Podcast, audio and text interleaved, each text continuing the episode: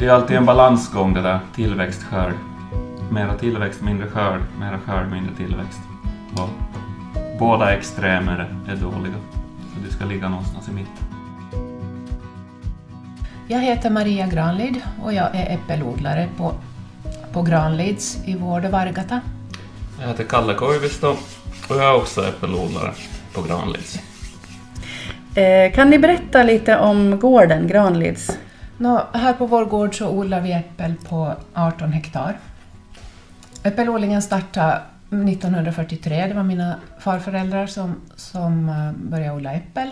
Under kriget var det här efter kriget, när alla, eller de flesta äppelträd i Finland frös bort under de här kalla vintrarna.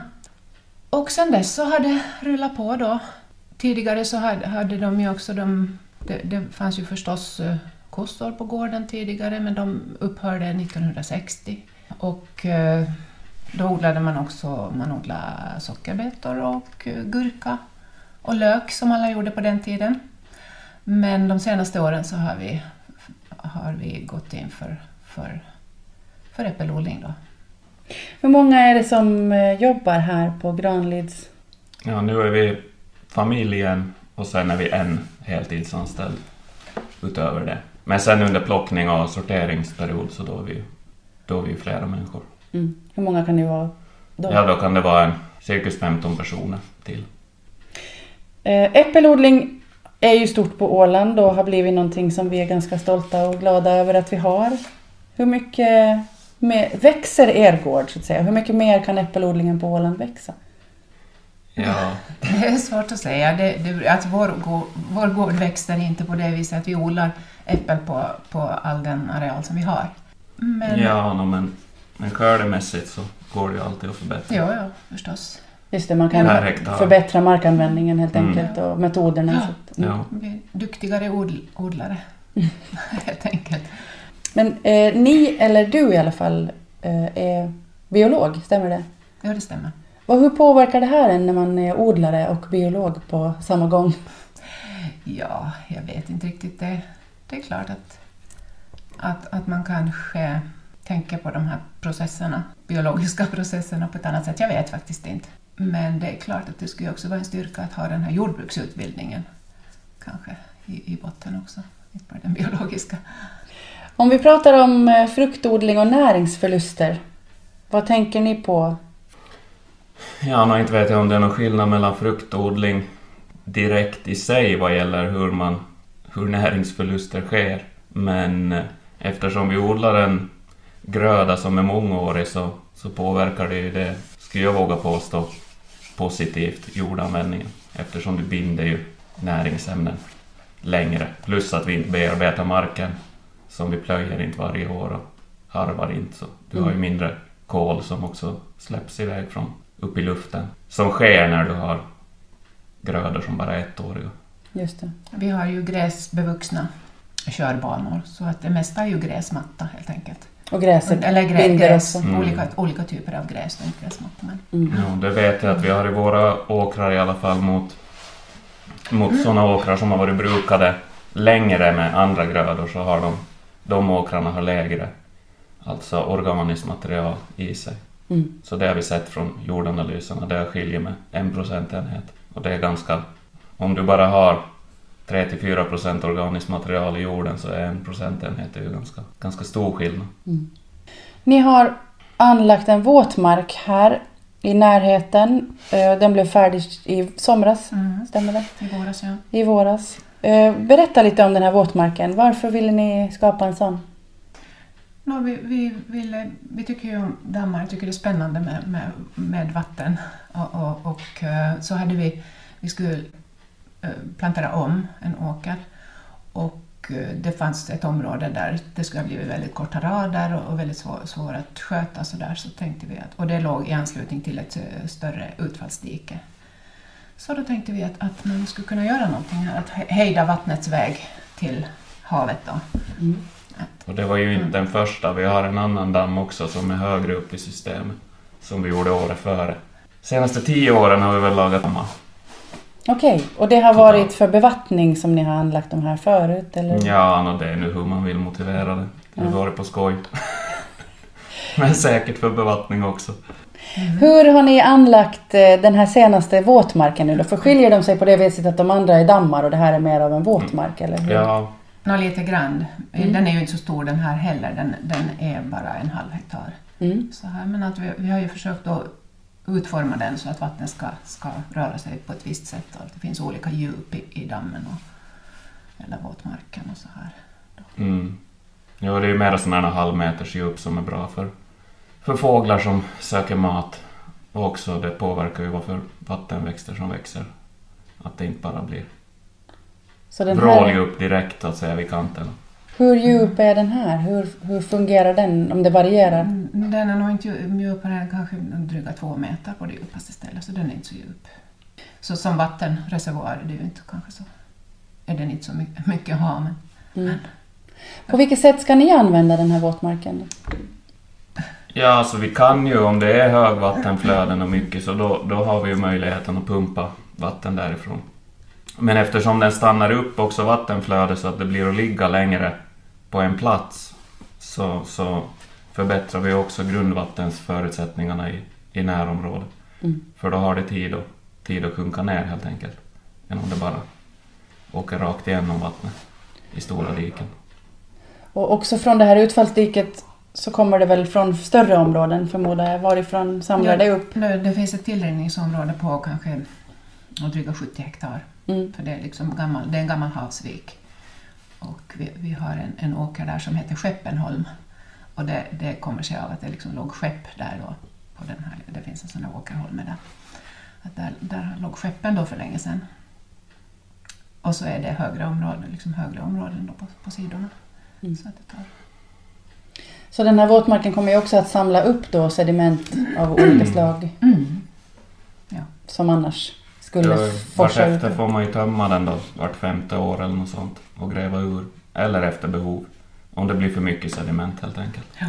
Och det går ju att sprida som gödsel i princip. Har ni, den blev färdig i våras. Har det hunnit, vad har hunnit hända där under den här första sommaren vid våtmarken? Ja, nå, så värst mycket har ju inte hunnit hända. De är ju lite tråkigare det första året tills det börjar starta. Men nu har det ju varit lite djurliv där, fåglar och sånt har ju kommit. Men förhoppningsvis till nästa säsong så börjar det växa. Men det tar ju några år innan det... Det var ju en otrolig blå lera där. Det var en fantastisk lera. Den var alldeles sådär skimrande. Mm. Helt otrolig drejlera Mhm. som, som grävdes. Men det vet man ju, man behöver inte oroa sig för att det inte skulle växa någonting. Vi har samma här med... Här har jag lagat som en, en bäck som rinner mellan de här två dammarna vi har. Så det pumpar runt hela tiden. Och första året så ju den där... var den ju ganska karg den där bäcken men nu har jag snarare problem att det växer. Det växer för mycket av allt möjligt så jag måste börja rensa, Mm. rensa istället. Men det kommer ju alla de här naturliga växterna som man kan hitta i vattendrag. Men ni ska också plantera någonting vid den här våtmarken. Vad har ni för planer där? Nå, vi tänkte att vi skulle så in gräs helt enkelt, att det skulle Mm. komma snabbare då. Men det har vi inte hunnit med ännu. Är det, ska något försöka särskilda, göra det i vår. är det något särskilt gräs eller växter? Det finns sådana här ängsblandningar med, med liksom nordiska arter. För olika miljöer, till exempel för en, för en våtmarksmiljö eller för torra, torra slänter och sånt här. Som man kan... Som det finns ett svenskt bolag som, Så det ska komma lite tillverkar. sånt som lockar bin och pollinerare också. Mm. Ja, nå- någon slags ängsört, Mm. Ja. några sådana växter är det väl tänkt. Och sen då buskar, buskar av olika slag, att få, fåglarna har skydd och, och sådär. Så det här är lite av ett eh, fågelexperiment också eller? Ja. Nej, det är det, men det har vi ju sett sen vi har gjort de här dammarna. Vi har ju ganska mycket sjöfåglar på vårarna som häckar. Och nu har det ju kommit sånt där som man inte har sett tidigare, som kricka. Har vi haft nästan nu. Senaste tre åren har jag sett krickor komma. Och de är ju sådana fåglar man inte brukar se så ofta. De har häckat också. Men annars är det ju mest knipa, och Mm. knipa, skrake. Lite gräsände. Eh, Du pratar om att man torrlägger och hanterar våtmarken också på lite längre sikt. Vad, vad behöver man göra med en våtmark genom åren? Hur, hur torrlägger Ja. man till exempel den här, det här året när man vill? Ja, men det är ju att pumpa det i så fall. Mm som är alternativet. Men man vill ju torrlägga för det ökar ju. Du får ju alltid artrikedomen går upp i början av livscykeln på en, vilken våtmark som helst. Och sen stagnerar det efter ett tag om det hålls samma vattennivå. Och därför är det bra att torrlägga för då kan man så att säga omstarta hela den här. För den frodigaste processen är alltid de första åren i början när det börjar utvecklas allt det här nya. Och sen går det lite ner. Men så är det ju en naturlig våtmark. Du har ju torka på, på sommaren och så avdunstar det och så drar sig vattenmassan tillbaks och sen fylls det ut i hösten igen. Så du har ju den där fluktuationen. Men det blir ju lätt i sådana här grävda dammar att, att vattenytan är ganska på samma ställe. Ofta. Så då behöver ni hjälpa till lite. Ja. Mm. Det här med eh, att skydda vatten och att odla mark. Hur samsas man mellan lantbruk och vattenskydd? Jag, jag, jag tycker ju nog liksom att, att uh, maten man, man äter måste produceras, eller ska produceras så nära det bara är möjligt. Och det finns väl olika åsikter om det. Vissa anser att det ska produceras uh, där det är så billigt som möjligt att odla mat. Men, men också när man tänker på landets självförsörjningsgrad och allt det här som har blivit kanske lite extra aktuellt nu i och med den här krisen så, så tror jag det är bra, bra att man, man producerar både frukt och grönsaker och, och, och, ja, det mesta som går att producera här, att man, att man gör, det, gör det så nära som möjligt. Så att man vet vad man äter och folk har, har koll på produktionen och produktionsprocesserna. Och då måste vi ju göra det på ett sådant sätt att, att det är så miljövänligt som möjligt helt enkelt. Mm. Men annars tycker jag ju så här rent allmänt så håller man på med jordbruk så är man väl oftast mer intresserad av den biologiska processen överlag. Hur växter växer och hur de interagerar med miljön runt omkring. Mm. Och då tänker jag att man ändå på det sättet alltid försöker göra det så, så, så ska vi säga, så bra som möjligt verksamheten håller på, också med tanke på miljöbelastning. Vad tänker ni att konsumenter behöver lära sig om er odling? Just, jag tänker just på det här att man tänker att mat ska vara billig till exempel, det är ju ett litet problem. Inte vet jag, det man skulle kunna vara bättre på är säkert att förmedla hela processen som krävs för att producera vilken typ av mat som helst. Mm. För ofta är det ju mycket, mycket mera jobb än att bara... Det är ju inte bara som i vårt fall gå och plocka äpplena på hösten. Och sen sitta och vila hela vintern. Ja, exakt. Att det är ju det är en mycket längre process över flera år. Jag menar om man bara jämförelsevis tar äppelodling så då jobbar du ju kanske tre till fyra år förrän du får första skörden ens från en, en ny plantering. Mm. Så du har ju långa, det är ju långa cykler man jobbar med. Men jag tänker att det är ju säkert skulle, skulle jag som konsument också tycka det var intressant att, att få ta reda på det om jag funderar över äppel eller om jag köper ett äppel. Jag tänker just att när man, när man kastar bort ett äpple som man mjuknar lite hemma så är det ju ganska mycket man kastar bort alltså i tid och ansträngning. Mm. Mm. Och det gäller ju alla råvaror och också att om man tänker då att du kastar bort en avokado som har kommit från Nya Zeeland eller någonstans ifrån vilken resa har inte den gjort? Att det är ju nästan ännu värre då. Liksom. Att, det har jag börjat tänka ganska mycket på. Att, för det, det händer ju ganska ofta att saker och ting blir ändå lite dåliga så har man slänger bort. Och då har det rest kanske från Sydamerika. Eller någonting sånt. Att nu är det ju ganska hemskt. Ät upp era äpplen och avokados är vårt bästa råd här. Men det har vi ju bra i Finland. Vi har ju en, en en grupp konsumenter som är ganska medvetna och de, de köper mycket inhemskt. Den kunde ju vara större, den är inte så... Min, min man brukar säga att 5 procent av konsumenterna köper inhemska äpplen. Men jag vet inte om det stämmer. jag tror det, det, blir mer och mer faktiskt. Det har mm. ändrat jättemycket på ska vi säga, 15 år. Hur, hur mycket det, det exponeras i butiken. Jo. Idag finns det inhemskt äpple av god kvalitet i alla, alla butiker. Och under lång period? jo, under en, en, en, riktigt lång period. Och jag tycker då konsumenterna har blivit lite mer... De har ju blivit lite mer...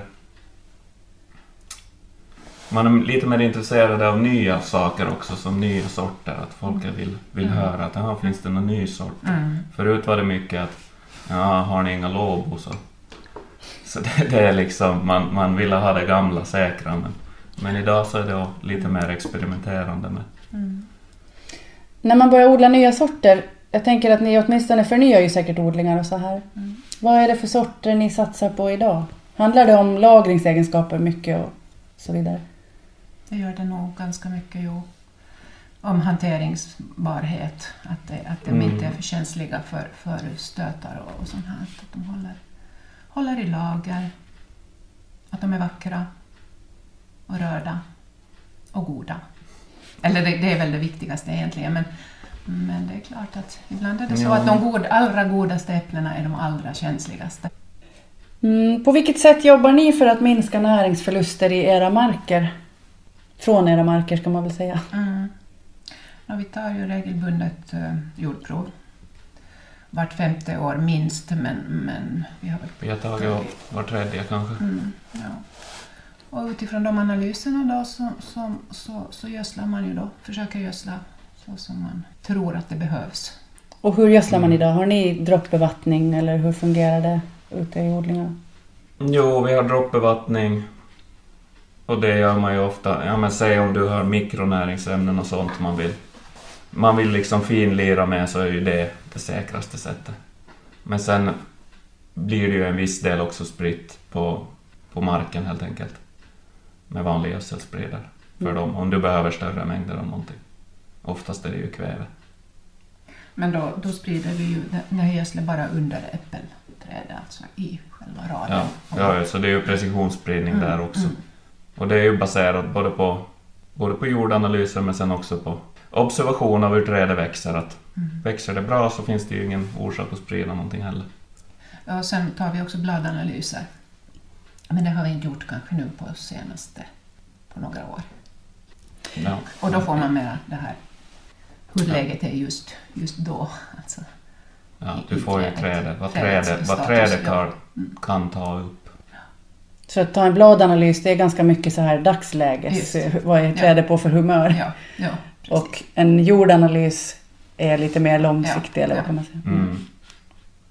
Men sen är det ju att jobba med, med hela den här markstrukturen, att, att man har man har en lucker jord och bra pH korrekt så, så har du ju mindre avrinning.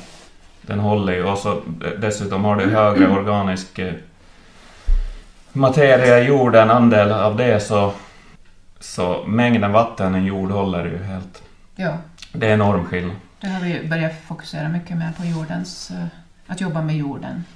Mm. Hur, hur skapar man en lucker i jord när man inte plöjer hela tiden, som, som man gör i andra marker? Ja, nå, I princip så är det ju inte så jättebra, eller jag anser så att det är inte så jättebra att hålla på och plöja hela tiden. Det är nästan negativt. Att det enda du har fördel med det är ju på när du odlar fält så då får du ju bort Jo, allt är ogräs till Ja, nästa ja. år.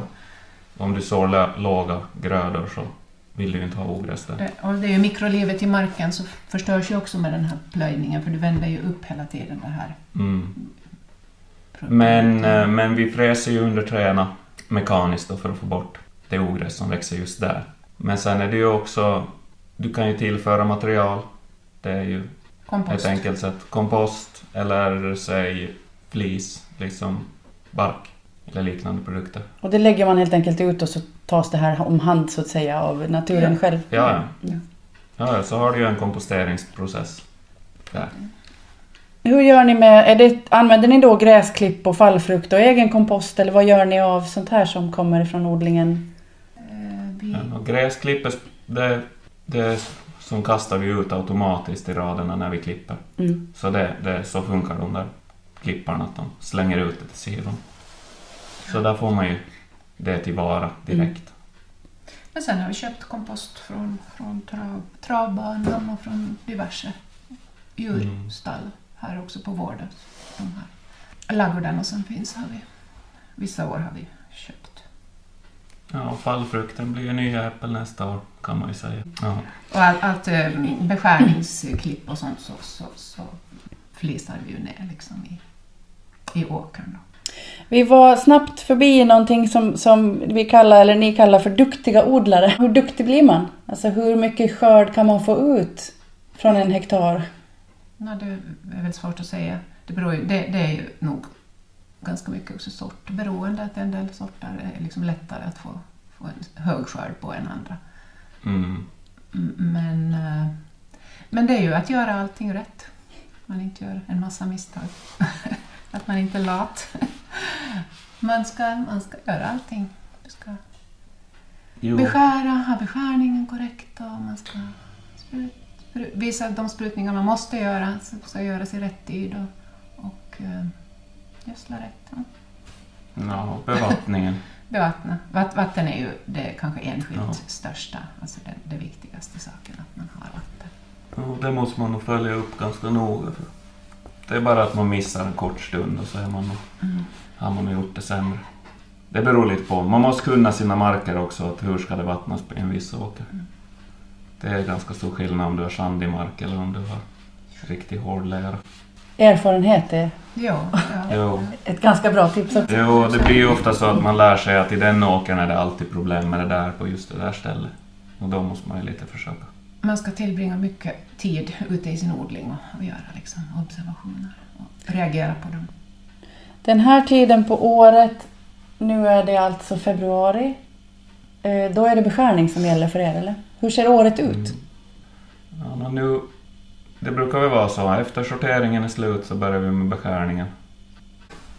Och så är det väl beskärning ja, nästan till maj. Och då borde man börja förbereda planteringen. Det är att göra allt förarbete där. Stolpning och så vidare. Fixa bevattningen. Så att den är i skick för den nya planteringen. Och sen under sommaren är det här vanliga. Då är det skötsel. Hålla efter ogräset. Ogräset kommer ju ganska Ja. tidigt, att det, det är liksom nog från april. Ja, ogräs är det stora Ja, det är nog ett, ett stort problemet. problem eftersom vi har slutat med eh, herbiciderna. Ja.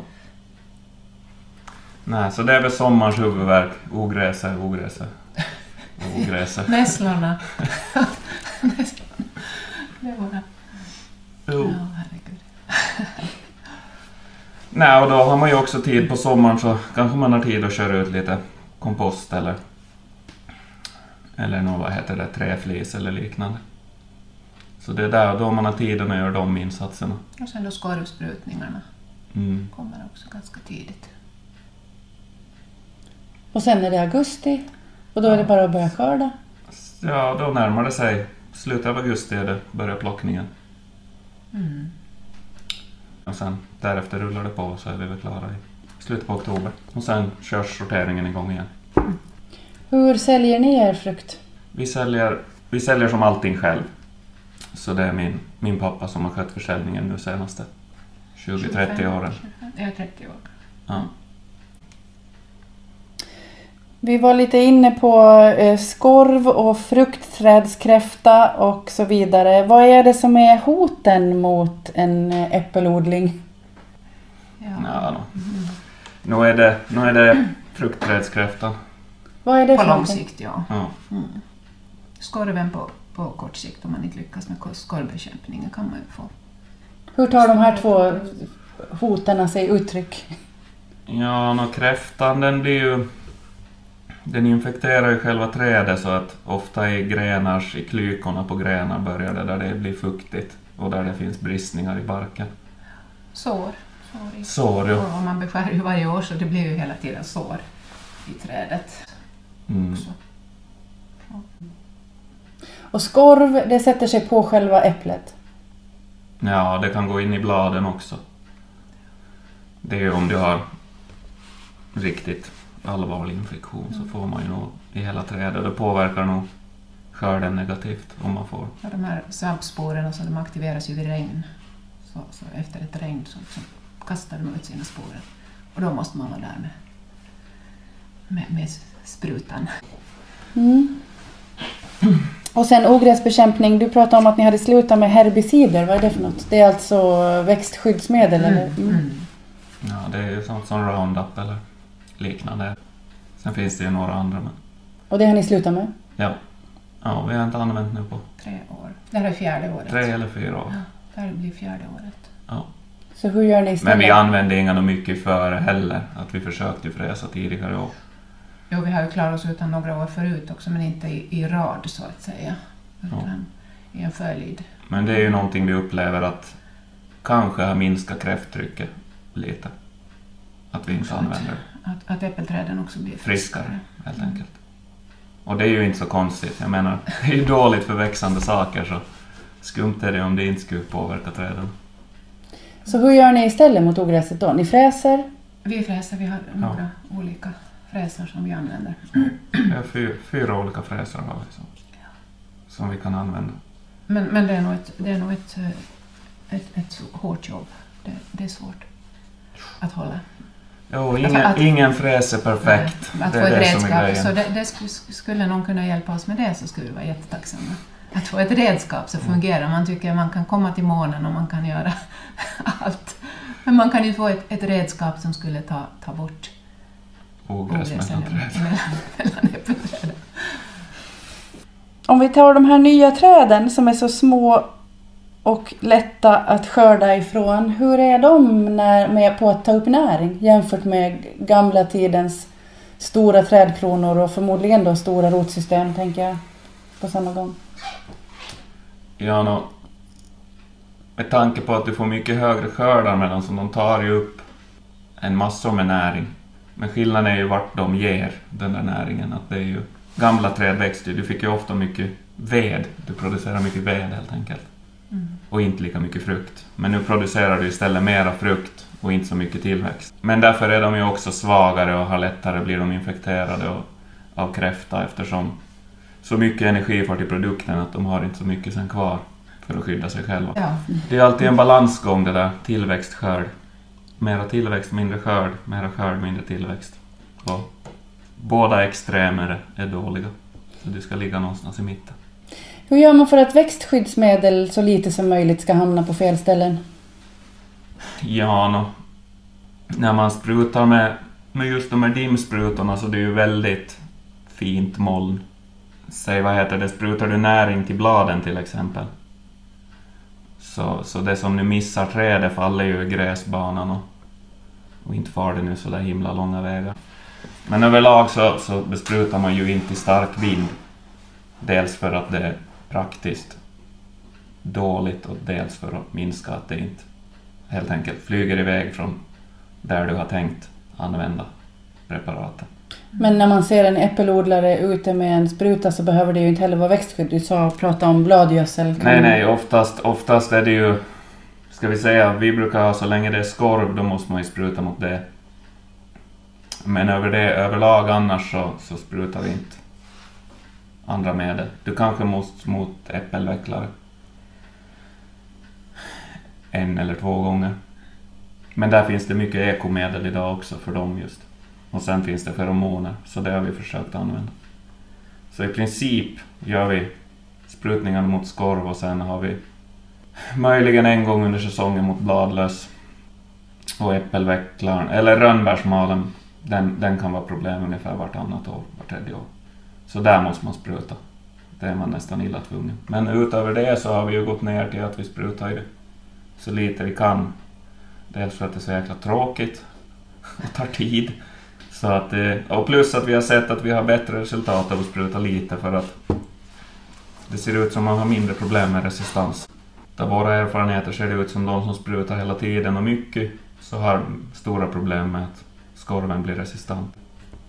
Och sen är det väl också så att rester av växtskyddsmedel hittas nästan aldrig på Nej, finsk frukt. Det testas ganska noga, eller hur? det testas mycket. Det gör det. Och de är så att säga borta vid skörd. Jo, alla de har ju ned, en viss nedbrytningsperiod. Och sen har du ju karenstider på dem så du får ju inte använda dem x dagar före försäljning. Så att eh, vad det ser ut som så... Jag menar, vi är, vi är väldigt noga med de där karenstiderna att vi, vi liksom har mycket mer. Dubbla tiden brukar vi försöka ha mot vad paketet säger. Men överlag så ser det nu ut som att alla finska odlare sköter det väldigt bra för att de, de hittar inga Nej, jag fattar det som att Finland ligger bra till när det Mm. kommer till rester av växtskyddsmedel. Jo, jo, jo, jo. Nej, men det, det är nog, det är ju, i den bemärkelsen är ju finska produkter nästan eko, kan man säga. Helt och hållet. Ja. Om vi pratar om vattentillgång så pratar du, eh, var inne på det här med att, att det är väldigt noga med bevattning och så. Hur har ni med vattentillgång? Var tar ni vatten ifrån? Och har ni, ni har de här dammarna nu som ni har anlagt.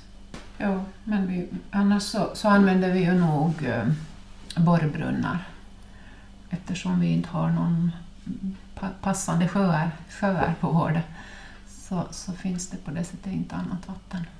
Så att vi har ett antal borrbrunnar som vi tar ifrån. Mm. Ja, två odlingar har dammar, våra hemmaodlingar. Och sen är det borrbrunn. Hur har ni tänkt efter det här eh, ödesåret 2018 när det kommer till vattentillgång? Ja, men där klarar vi oss relativt bra. Vi hade ju nog vatten, förutom i en, en brunn, men den är nu dålig hela tiden. Så. Men det har vi ju nog... Nu har vi ju den där våtmarken där vi anlade och vi har en annan åker också där vi tänkte göra en liten damm för att ta tillvara det, det extra vatten man kan få.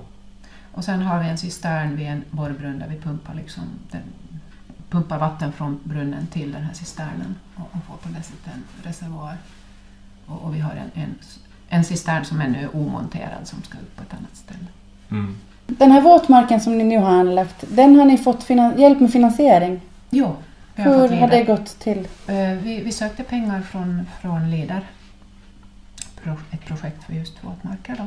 Har fått hjälp med projekteringen och hjälp från eh, Alexander Behas på, på LEDAR-kontoret och, och det gick ganska smidigt. Mm. Finns det någonting som ni skulle önska, önska mer hjälp med? Alltså när det kommer till rådgivning eller stöd från den politiska sidan eller eh, vad, vad skulle hjälpa er framåt? Ja, no. Vi gillar ju mycket att ta reda på vår info själv. Det skulle vara den där ogräsfräsen då som... Ja, det, det är ju den. Ja. sånt, men liksom... Men, mm, Det är väl minskad byråkrati, alltså att man inte gör saker och ting så krångligt. Mm. ja. Att, att man inte... Man Nej, det- inte liksom... Där. Det tycker ju vi att det är ju, vi är ju inte för stöd till jordbruk utan det borde ju bort överlag. Så att, så att det skulle vara en vettig marknad att agera på. För jag menar, nu ges det stöd för att sänka matpriser så det blir lågpris i butiken men sen så blir det ju ändå högt pris i butiken när butikskedjorna lägger på. Så det är sådär, är det någon vits? Mm, mm, mm. Det är ju det att nu ges det stöd för alla möjliga investeringar hit och dit och sen kanske folk investerar det bara för att ta de där stödpengarna och inte för att man egentligen behöver det. Men det finns att få för någonting. Eller så måste du vänta på de där besluten att får du något stöd och så senare lägger du din investering som du skulle lika bra kunna gjort ett år tidigare om du visste att det inte fanns något stöd överhuvudtaget. Sitter du och väntar på ett beslut du inte vet vad är, positivt eller negativt. Så oftast så känner man ju bara att ja, vill vi göra det här så gör vi det här och struntar man i om det finns något stöd eller inte. Det tar ju massor med tid. Sitta och läsa papper, det är tråkigt. Så det tycker väl jag man skulle kunna utveckla i jordbruket med. Ta bort byråkrati. Mm. Vad tror ni om man, om jag nu ska prata ur vattenskyddshänseende, vad tror ni att skulle kunna ta det arbetet framåt? Vi har ju sett att vattnen på Åland är påverkade, sjöar och lumparna och de här vattnen som ligger runt omkring oss. Alltså nu är det ju jobba mer om man tänker på de här jordarna att mängden konstgödsel där det måste ju gå att dra ner på något sätt.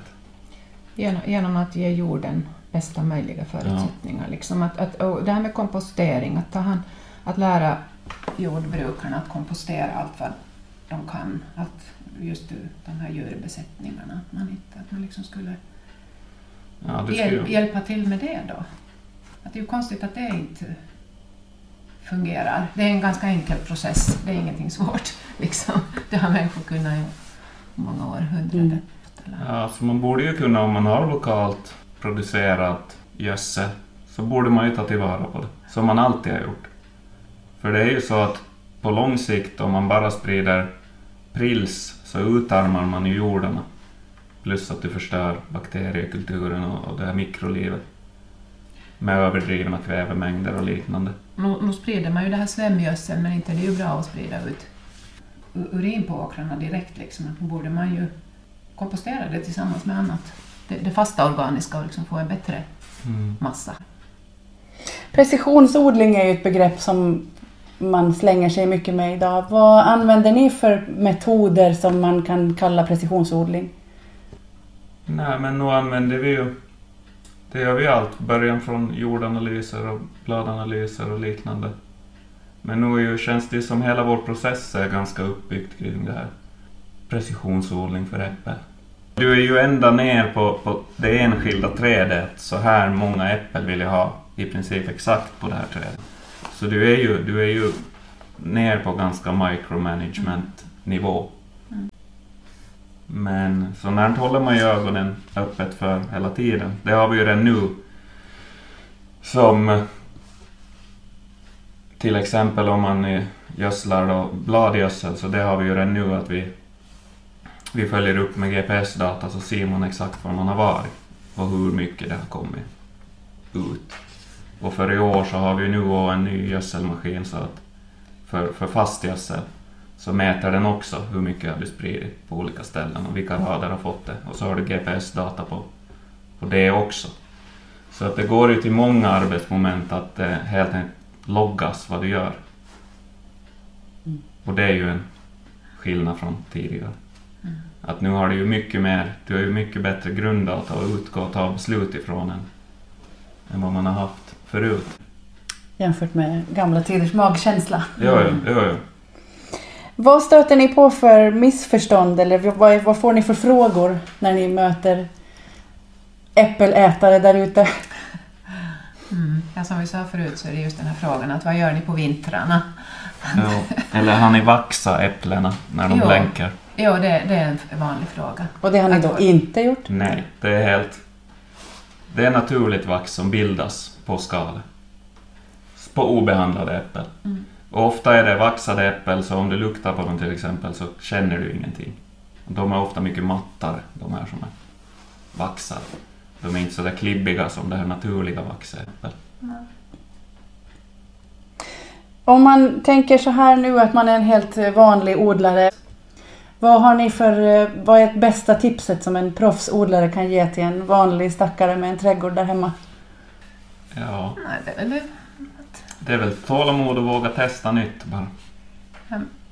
Ja, men vattna och, vattna och gödsla lite grann i alla fall.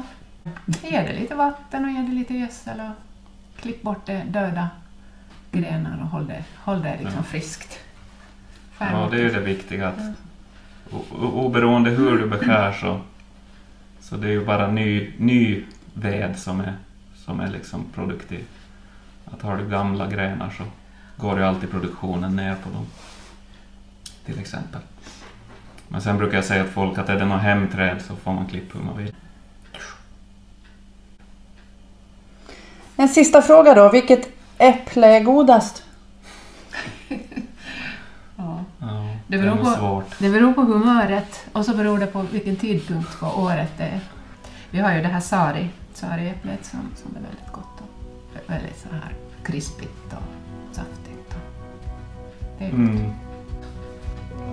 Då får jag tacka så mycket för att ni var med i Vattenpodden. Ja, tack så mycket. Tack.